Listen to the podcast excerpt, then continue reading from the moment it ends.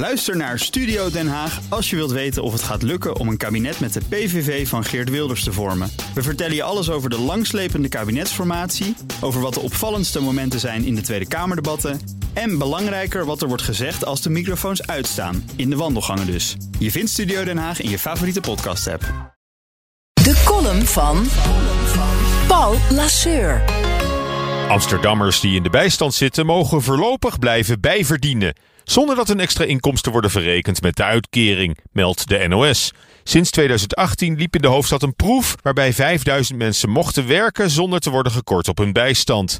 Dat bleek een groot succes. Uit die groep gingen twee keer zoveel mensen aan het werk als in een groep die niet aan de proef meedeed. Alleen, waarom nu pas? En waarom niet structureel en voor iedereen, maar slechts bij wijze van proef? Want natuurlijk zoeken mensen sneller een baan als ze zeker weten dat ze de bijverdiensten in eigen zak mogen steken. Dat snap je toch ook wel zonder proefperiode van ruim drie jaar? En natuurlijk draagt zo'n bijverdienpremie bij aan meer bestaanszekerheid. En ja, de gemeente Amsterdam zag mensen ook sneller uit de bijstand komen. In Rotterdam, Wageningen en Doetinchem lopen vergelijkbare projecten die zonder twijfel dezelfde uitkomsten zullen opleveren. Want het is een absolute no-brainer. Ons volledige stelsel van uitkeringen en toeslagen is aan grondige herziening toe. Willen we het eerlijk, betaalbaar en beheersbaar houden. En een beetje menselijk. De hoofdregel blijft helaas nog dat extra inkomsten uit een bijbaan moeten worden verrekend met de uitkering. Maar ook samenwonen kan je geld kosten als je in de bijstand zit. Tienduizenden bijstandontvangers krijgen een lagere uitkering door de kostendelersnorm. Als zij met meerdere volwassenen samenwonen, moet de gemeente verplicht korten op hun bijstand. Hoe meer volwassenen de woning delen, hoe lager de uitkering. Dus iemand die een meerderjarig kind of een ouder in huis neemt, krijgt in principe minder uitgekeerd. Nog een schrijnend geval dat voor veel ophef zorgde, was de vrouw uit Weide-Meren die 7000 euro bijstand moest terugbetalen aan de gemeente omdat ze van haar moeder jarenlang boodschappen had gekregen. De rechter gaf de gemeente hierin gelijk. Zij je niet voor het volledige bedrag, waarmee het principe overeind bleef dat de vrouw de boodschappen niet zomaar had mogen ontvangen terwijl ze in de bijstand zat.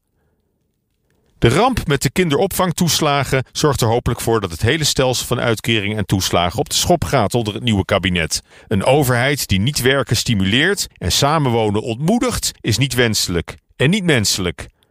Dit kabinet geeft momenteel met groot gemak miljarden uit om bedrijven en ondernemers door de coronacrisis te helpen. Laat ze ook eens kijken naar een redelijke oplossing voor mensen die structureel ondersteuning nodig hebben, zoals de 430.000 mensen in de bijstand. Waarom geen basisinkomen voor iedereen? Zonder peperduur opsporingsapparaat voor handhaving en sanctionering, gebaseerd op vertrouwen in plaats van controle. Ook goed voor iedereen die belangrijk maar onbetaald werk verricht, als vrijwilliger of mantelzorger. Prettige maandag! BNR ben je altijd als eerste op de hoogte van het laatste nieuws. Luister dagelijks live via internet. Bas van Werven. En heel langzaam komt de zon op rond dit tijdstip. Je krijgt inzicht in de dag die komt op BNR, het Binnenhof in Nederland en de rest van de wereld. De Ochtendspits. Voor de beste start van je werkdag. Blijf scherp en mis niets.